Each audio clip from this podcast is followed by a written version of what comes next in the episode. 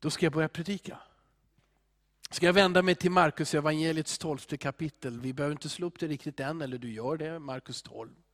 Ehm, det, är, det passar så bra för den här söndagen med, med givandet.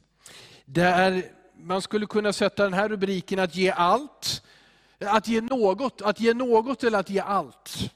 Att ge något eller att ge allt. Och eh, den här berättelsen i Markus, det är kanske Bibelns eh, mest kända donation. Och det är kanske också Bibelns minsta donation. Är det någon som kan komma på vad det kan vara för en berättelse?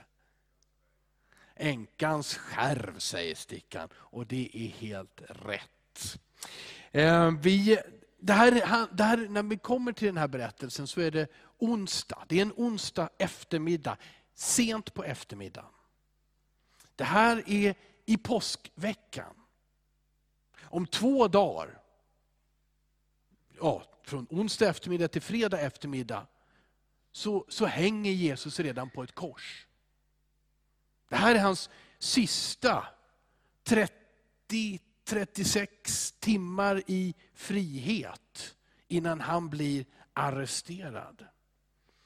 Eh, medveten. han visste ju om vad som skulle hända. Så det som han, om du visste om vad som ska hända, de, eh, om du vet om att du ska dö om ett och ett halvt till två dygn. Vad gör du med den tiden?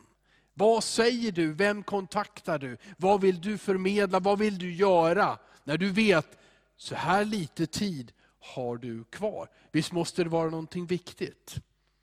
Det som jag sa, det här är påskveckan, eller paschafesten i Jerusalem. Det tio, minst tio gånger så många människor som normalt sett bor där. Det, staden växte kanske från 10 000 till 100 000 under de här veckorna när människor, judar kom överallt ifrån för att fira påsk. Det här är på tempelplatsen. Eh, templet är inte som eh, Tempelgudstjänsten är inte som en sån här gudstjänst. Man, det, var ingen, det var ingen som kom och satt inne i templet och, och sjöng sånger. Det fick gå in, eh, en präst fick gå in där och en, man, det var ett, ett lotteri. Eh, så eh, hade du som präst varit inne i templet en gång i livet, då fick du aldrig återvända dit igen. Utan då var någon annan prästs tur. Det här, och allra, allra längst in i det allra heligaste, så var det bara en gång om året. Så det här var inte, utan när det står att Jesus var vid templet, så var han på tempelplatsen och den är mycket stor. Eh, det är som vi kan ta jämföra ungefär 15 fotbollsplaner, en stor plats. Tiotusentals människor. Kring påsken så slaktades där djur och offer, för det här var jude, den judiska gudstjänsten. Det var massor med blod, det slaktades massor med djur och människor kom med djur, eller de kom med pengar och så växlade de, köpte tempelmynt. Och så för tempelmynten kunde de köpa offerdjur. Det fanns stora djur, det fanns små fåglar beroende på om du var rik eller fattig. Och Den här tempelplatsen den är uppdelad av förgårdar med små markeringar eller små murar. Så att säga. Den stora, stora förgården runt omkring, den heter hedningarnas förgård. Där fick alla människor vara, om du var jude eller hedning eller vad som helst. Där fick alla människor vara. Sen fanns det en liten markering och mur och då förde det in på kvinnornas förgård. Och sen innanför det, och dit fick alla kvinnor och alla män, alla som var judar fick komma dit. Och sen så fanns då för män och för präster markeringar där de fick vara. På kvinnornas förgård så stod det offer, en offerkista, står det i Bibeln. Vi kommer att läsa, det, det fanns en offerkista. Enligt eh, Mishna, som är judiska böcker, eh, tolkningar, så fanns det 13 stycken inte bara en. I Bibeln står det en och det är frågan om, fanns det en och, eller kom de andra 13 lite senare? Men antagligen så var det 13 stycken. Och de hade ett, ett inkast som var format som en trumpet. Eh, så att det hördes när man la sina mynt i det här, som antagligen var utav mässing.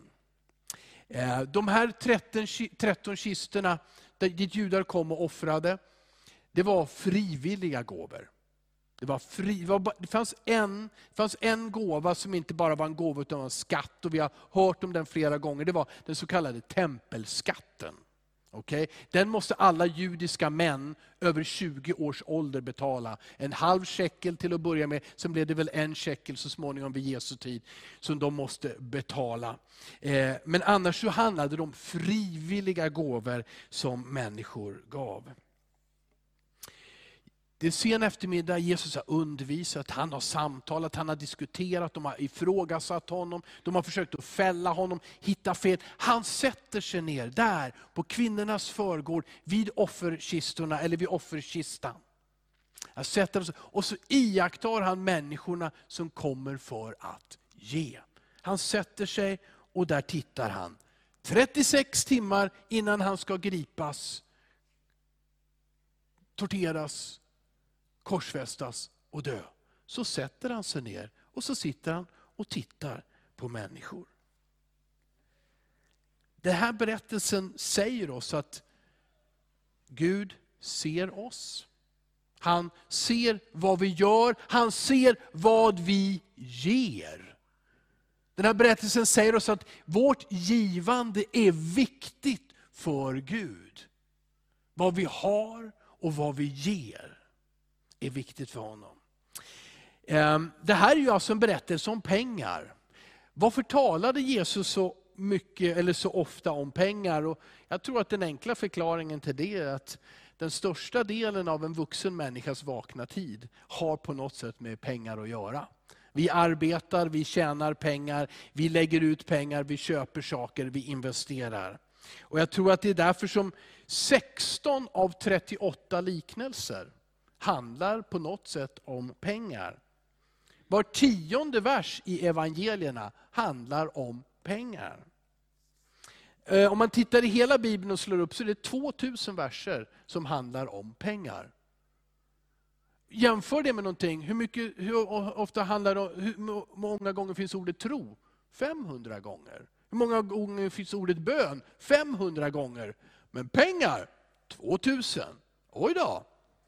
Eh, det här är alltså inte bara tv-predikanter som talar om pengar, utan Jesus talade om förvaltarskap, om pengar och vad vi gör med dem.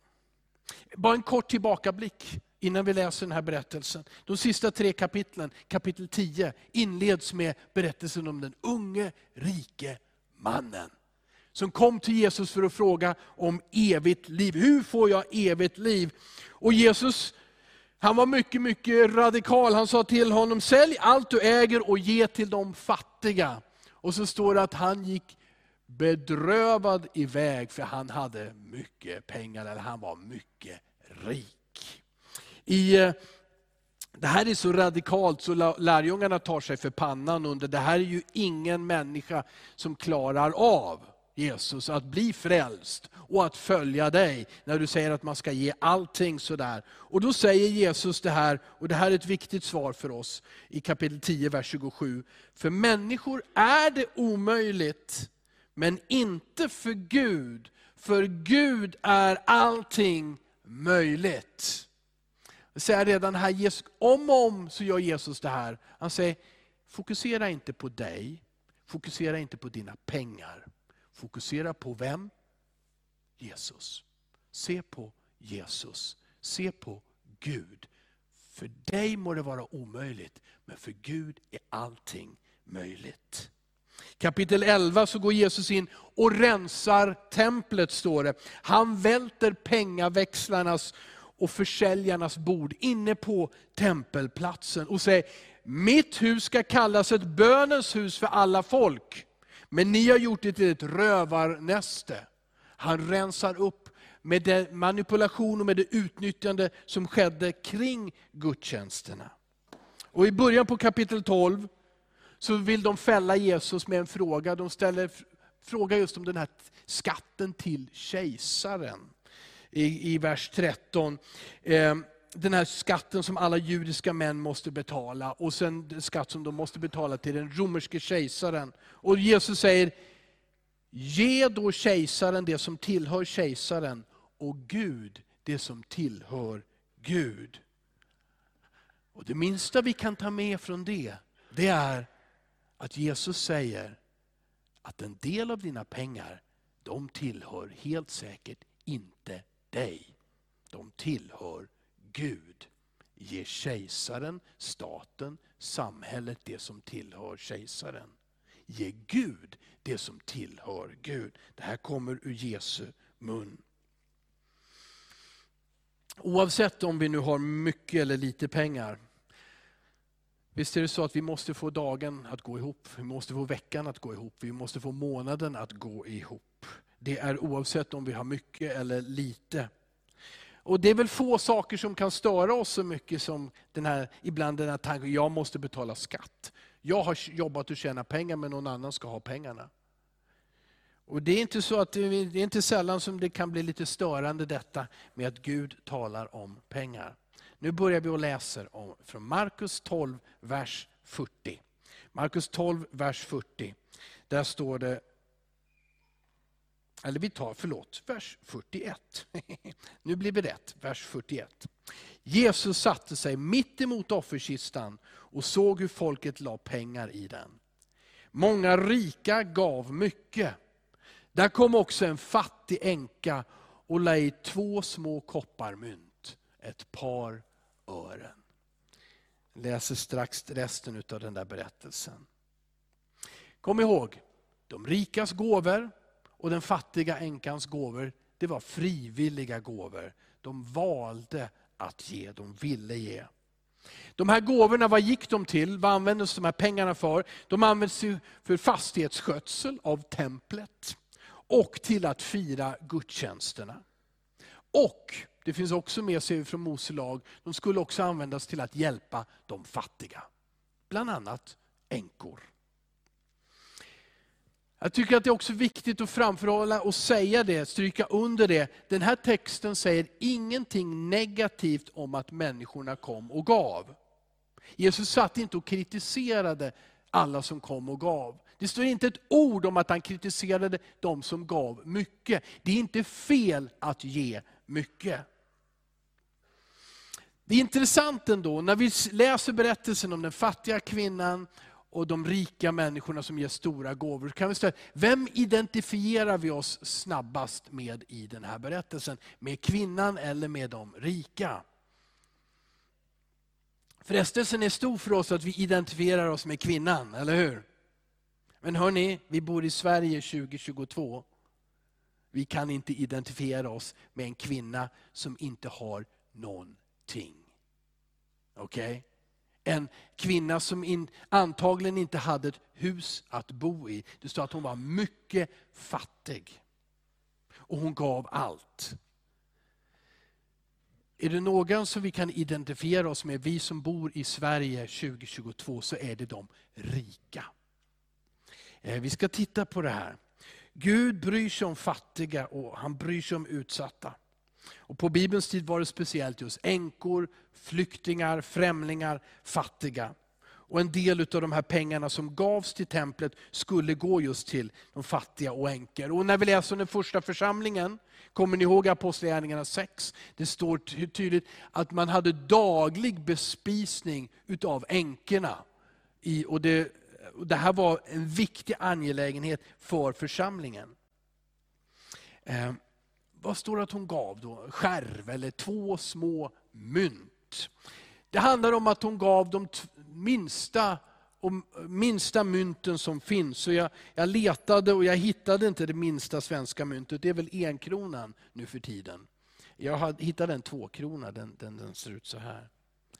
Och Sen hittade jag en femkrona. Det är väl många av er som inte ens har mynt i plånböckerna, antar jag. Ni kanske inte har några plånböcker överhuvudtaget. En lite tjockare men rätt så liten då, det är ju 10 kronan. Men det som kvinnan kommer och ger, då tar jag det minsta nu då, som jag har i handen, det är en tvåkrona. Hon har två stycken och hon lägger dem i offerkistan.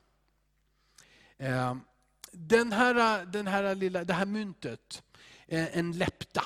en lepta. Vad var värdet på den? Jo, häng med nu, den var en sextiofjärde del en sextiofjärdedel av en denar. Hur, hur mycket var en denar? Ja, det står i Bibeln och det sägs överhuvudtaget att en denar var ungefär vad man gav en vanlig arbetare som lön för en dags arbete. Kanske inte var reglerat med åtta timmar, det kanske var 15 timmar eller 12. Men det var en dagslön, var en denar. Så en sextiofjärde del av det. Då kan det hända att det faktiskt inte handlar bara om några ören. Som jag skulle kunna tänka mig att de där två mynten, de var snarare värda som två stycken 10 kronor. Så kvinnan hade 20 kronor. Det är mitt förslag till er. Hon hade 20 kronor på fickan. Så det betyder att hon hade inte mat för en lunch på stan den dagen. Om vi tar dagens priser naturligtvis. Men hon hade något. Eller hur? Det finns ett stort varuhus norr om motorvägen. Där kan man få varmkorv för, med bröd för fem kronor styck. Yes. Så hon hade inte för en bra lunch, eller en normal lunch, men hon hade något. Det hade hon på fickan. Och de två mynten gav hon. Och då står det att Jesus gjorde så här, vers 43. Då kallade han till sig sina lärjungar och sa till dem, jag säger er sanningen.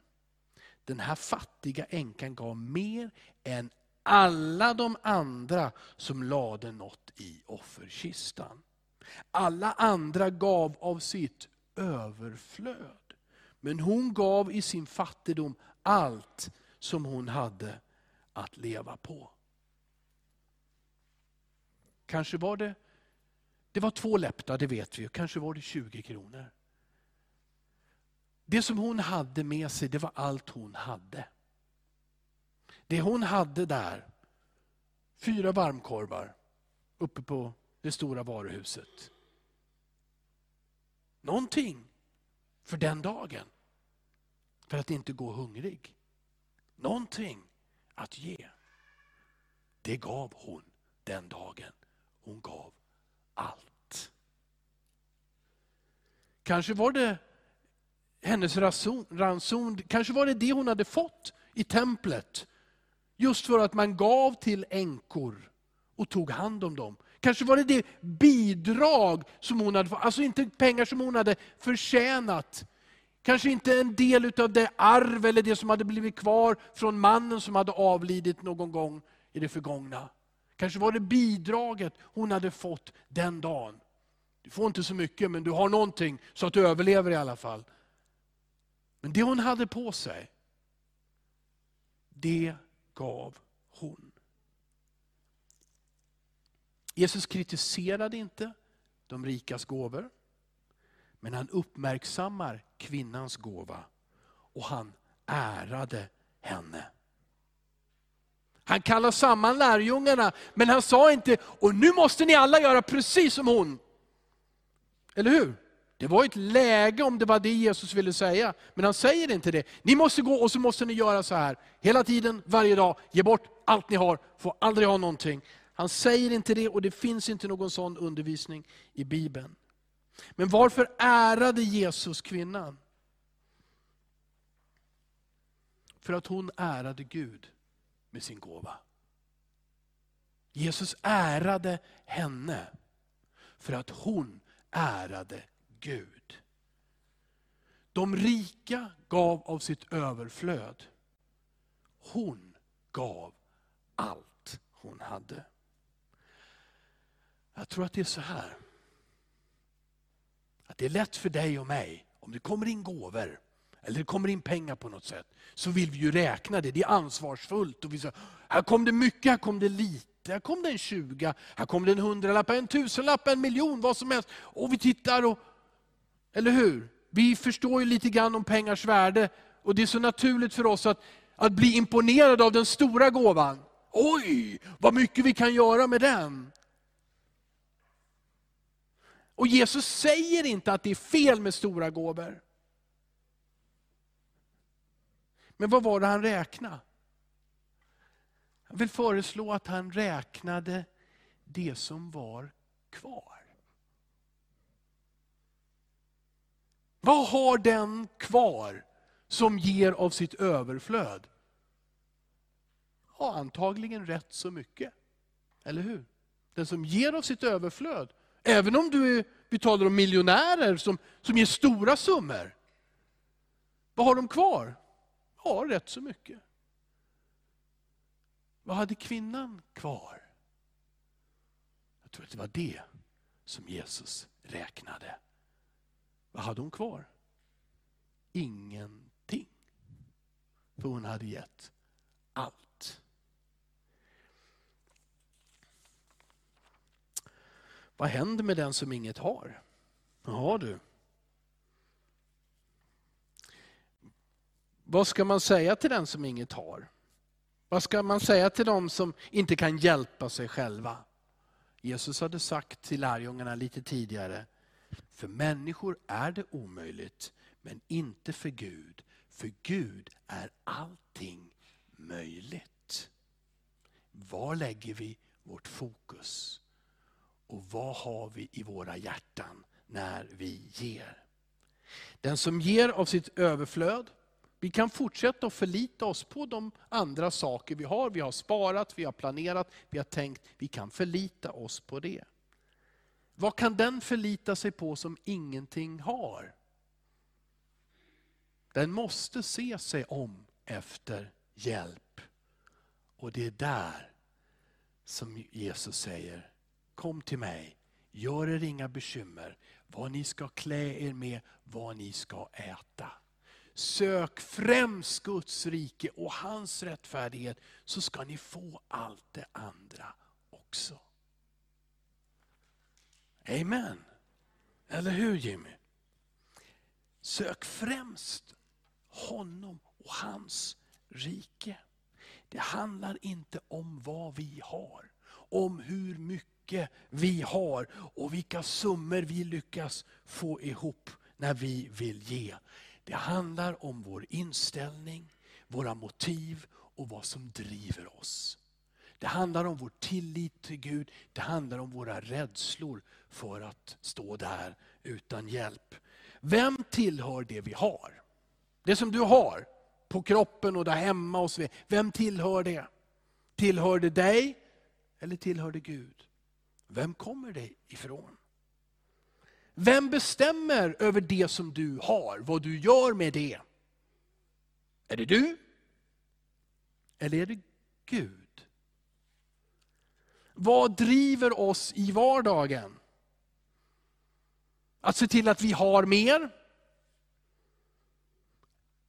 Eller att se till att vi kan ge mer? Att vi kan ge mer till Gud och till andra. Och kvinnans givande, hennes hjärta, vad hon hade kvar, det ärade Gud. Och därför så ärade Jesus henne. Hennes tro och hennes tillit hamnade både i Markus evangeliet och i Lukas evangeliet. Och Jag tror att Gud vill säga oss någonting om det här. Eller genom det här. Jag skulle vilja berätta en personlig berättelse. Den ligger långt tillbaka i tiden, tycker jag i alla fall. Så att eh, jag kan berätta den utan fara. Som jag sa, som svensk så, så tillhör jag de rikare i världen, även om jag inte är rik kanske i jämförelse med andra rika. Men vi har det bra och jag har haft det bra hela mitt liv. I princip har jag, när jag har gett, har jag alltid gett av mitt överflöd. Jag hade en kort tid i livet, en kort tid i livet, cirka ett år. Då allt jag hade det var, skuld, det var studieskulder. Och så hade jag lite pengar från sommararbetet de sista månaderna och så hade jag ett litet studiestöd. Jag befann mig i Wien för att lära mig tyska. Jag var 27 år, jag ville gifta mig med Rut vi var förlovade. Ehm, jag, har alltid, jag hade alltid gett tionde i den församling där jag var med. Eh, det har jag gjort sedan, den första lön jag fick när jag var 16 år gammal med det första eh, påsklovsarbetet eller vad det var, eller sommararbete.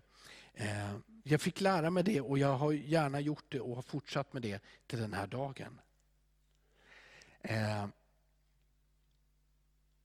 men när skulderna är större än tillgångarna, det är ett av de här situationerna som man när du har mer skulder än du har tillgångar. Eh, då du kanske funderar lite extra, ska du hålla på att ge bort pengar? Ska jag inte betala av mina skulder först, sköta om det här, sköta om mitt hus och sen när jag har ett överflöd börja dela med mig igen.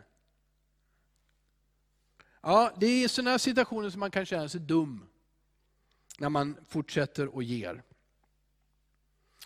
Och även om jag, jag är personligen inte i närheten av den här änkan och hennes berättelse. Och många skulle ju kunna säga att hon var dum. Om hon hade 20 kronor. Det var inte mycket. Alla andra runt om henne hade mer. Och så ger hon bort det hon har. I människors ögon kan man säga dum. Och nu, hur var den där situationen? Jag var i Wien, tillbaka till den. Eh, jag var där, jag fick bo gratis i en kyrka. Det var bra, eller hur? Jag hade ju inte pengar för hyra. Så jag har gjort det. Jag fick äta hemma hos två familjer. Det ena var en pastorsfamilj, dåligt avlönad, och det andra var en missionärsfamilj, inte heller speciellt bra avlönade. Där fick jag äta mat varje dag. Eh, jag stod för min egen frukost, jag hade ju ändå studiestödet. Jag stod för mina buss och tågbiljetter in till Wien, för vi bodde lite utanför. Jag kunde studera och efter studiedagen så kunde jag dricka en kopp kaffe med de andra studenterna. Eh, men min situation var frustrerande. Jag var ändå 27 år gammal. Jag var färdigutbildad rätt så sent. Jag hade skulder. Jag bodde i ett land där jag inte förstod eller kunde tala språket. Jag skulle gifta mig inom ett halvår. Ett bröllop, det ska ju vara någonting, eller hur? Det får ju kosta någonting. Och så skulle jag liksom vara man i huset och för, på något sätt ha någonting att bidra med in i hela sammanhanget, eller hur? Det här var en fruktansvärt frustrerande tid. Och jag funderade ofta, har jag valt helt fel? Är du dum i huvudet, Kalle? Du har pluggat teologi. Du kan inte göra någonting. Du har lärt dig svenska och engelska, men nu är du i Österrike och kan inte snacka med folk. Du har, liksom, du har ingen framtid i det här landet. Du, ska, du säger att du ska gifta dig och ta hand om en fru och få familj. Ja, vad är det här? Och det är klart att jag var ruggigt frustrerad. Och kanske utav bristen på pengar och att jag hade hört någonting om någon annan så, så bestämde jag mig för att fasta en dag i veckan. Då kunde jag både spara pengar och så kunde jag be lite mer och fråga Gud, hur gör vi det här? Eh, och då kommer vi till en liten rolig anekdot här, tycker jag i alla fall. Och jag tycker att den är faktiskt eh, mycket, mycket speciell. Den 19 november så fyller det ut år varje år, eller hur? Jag brukar säga det här så att jag inte glömmer det. nu vet ni det, så nu kan ni påminna mig. Eh, en vecka innan så hade jag en sån här fastedag. Så jag fasta och bad. Och då slår det mig, jag borde ju ge, jag måste ju ge henne någon present. Det är ju liksom dags att köpa någonting. Och det var verkligen lite pengar. Det var verkligen lite pengar. Jag fick ihop, vad fick jag ihop? Jag fick ihop en, eh, billiga biljetter till teatern. Det, som om studentpriser. Så vi åkte på det, eller hur? Och så köpte jag en CD-skiva också. De som vill veta vad det var för CD-skiva, det var Lionel Richie. Han sjunger romantisk musik. Eller? I brist på annat. Teater och romantisk musik. Men den där dagen, så plötsligt när jag ber, och det var nog inte massa timmar, men jag fastade och jag bad lite grann. Så händer det där som händer ibland i bön. Man säger saker som man inte vet om man är, kan ta ansvar för. Jag säger, Gud, du behöver ge min fru 1000 skilling nästa vecka på hennes födelsedag. Amen.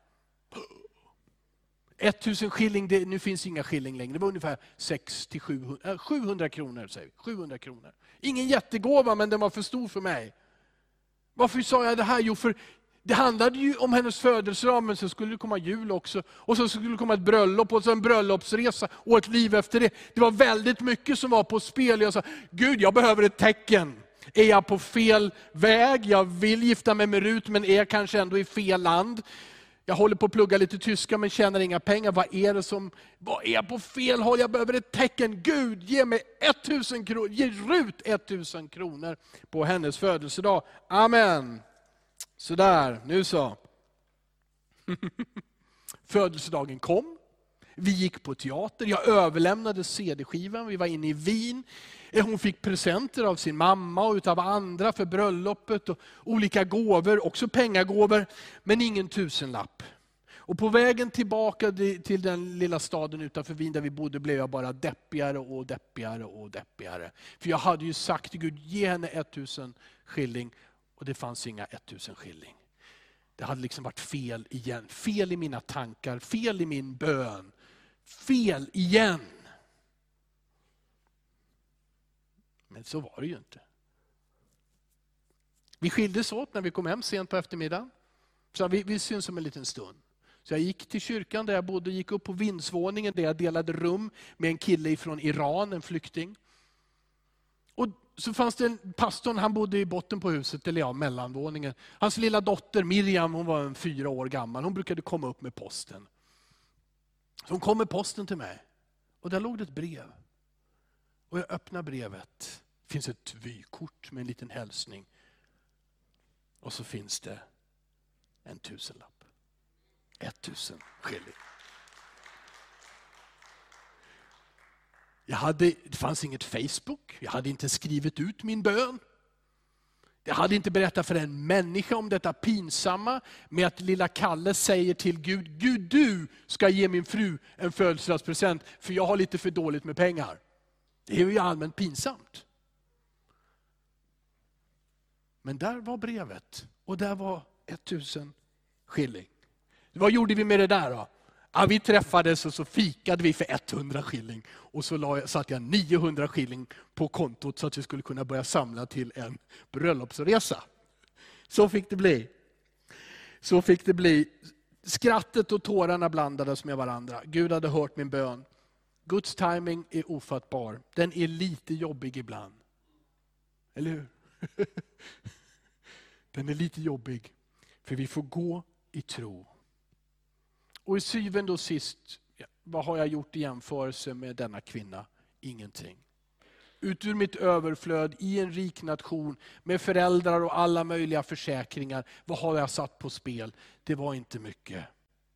Men den här kvinnan, hon kom och hon tog sina 20 kronor, två läppta, två mynt och la dem allt som hon hade. Hon lär oss hur vi kan ära Gud. Den här kvinnan lär oss hur vi kan ära Gud. Hon brann för det som Gud brann för. Hon kom till templet. Hon kom till platsen där Guds folk samlades till gudstjänst och hon gav. Nummer två. Hon ärade Gud genom att inte komma med ursäkter. En fattig människa är bland de rika. Vad är det? Hur känner man sig då? När alla kommer med fina kläder, i fina vagnar, på duktiga åsnor.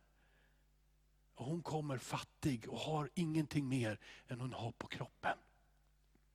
När andra ger rika gåvor och det hörs kling klang klong, det trillar ner i den där trumpetformade ingången på offerkistan. De här mynten de är, inte, de är kanske en fjärdedel, de här läppta. De är jättelätta. Klick, klick. Två stycken. Hade det inte varit bättre att stanna hemma den dagen? Hade det inte varit bättre att bara låtsas gå förbi? Jag har redan gett liksom. Hon kom inte med några ursäkter om att det hon hade att ge var för lite. Hon kom inte med några ursäkter om att hon inte dög till. Hon brann för Gud. Hon kom till templet. Hon deltog i gudstjänsten. Hon gav. Hon ville vara där det var lovsång. Hon ville vara där det var tillbedjan. Hon ville vara där, där man gav och hon ville vara med. Jag vill också vara med och ge till Gud. Och det sista är ju att hon gav mer än vad lagen krävde. För det här var en frivillig gåva, ett offer till Gud. Vad skulle prästerna göra med två läppta? Skulle de byta ut en tegelscen på en ofantlig byggnad? Skulle de ge det här till en annan fattig, ja det skulle räcka till en annan fattig då som ändå fick för lite pengar. Vad skulle de göra? Vem gav kvinnan till? Vem gav hon till? Hon gav till Herren. Hon gav till Gud. Och därför så ärar Gud henne för det hon gav.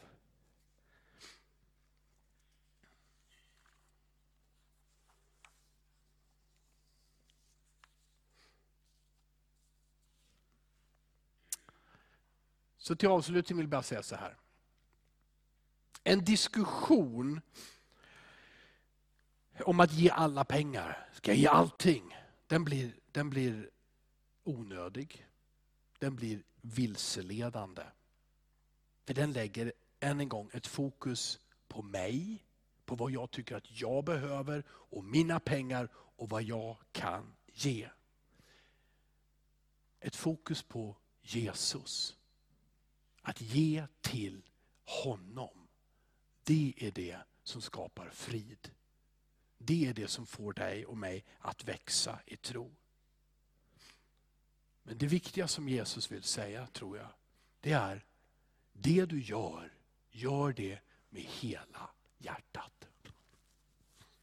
När du ger till församlingen, ditt tionde, ditt offer, när du tar till dig utmaningen att ge till ett troslöftesoffer för evangelisation och mission i Västafrika bland folkgrupper som aldrig har hört talas om Jesus. Ge med hjärtat. När du möter en tiggare, när du har en vän eller en granne som har stora behov och kriser. Ge med hjärtat. Gör det för Jesus då tror jag att vi hamnar rätt. Då tror jag att Gud kan leda oss och dig i vårt givande. Amen.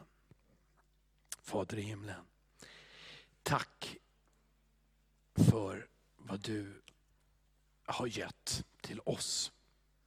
Större än vi någonsin kan betala tillbaka. Större än vi kan föreställa oss. Tack för änkan och hennes exempel. Tack Jesus Kristus för att du har lämnat absolut allt för oss. För du hade verkligen allt och gav upp allt och dog på ett kors för oss. Tack för att du välkomnar oss som vi är. Rika eller fattiga, män eller kvinnor, utbildade eller outbildade.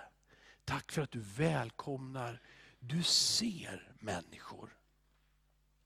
Jesus, hjälp oss att ge av hela hjärtat.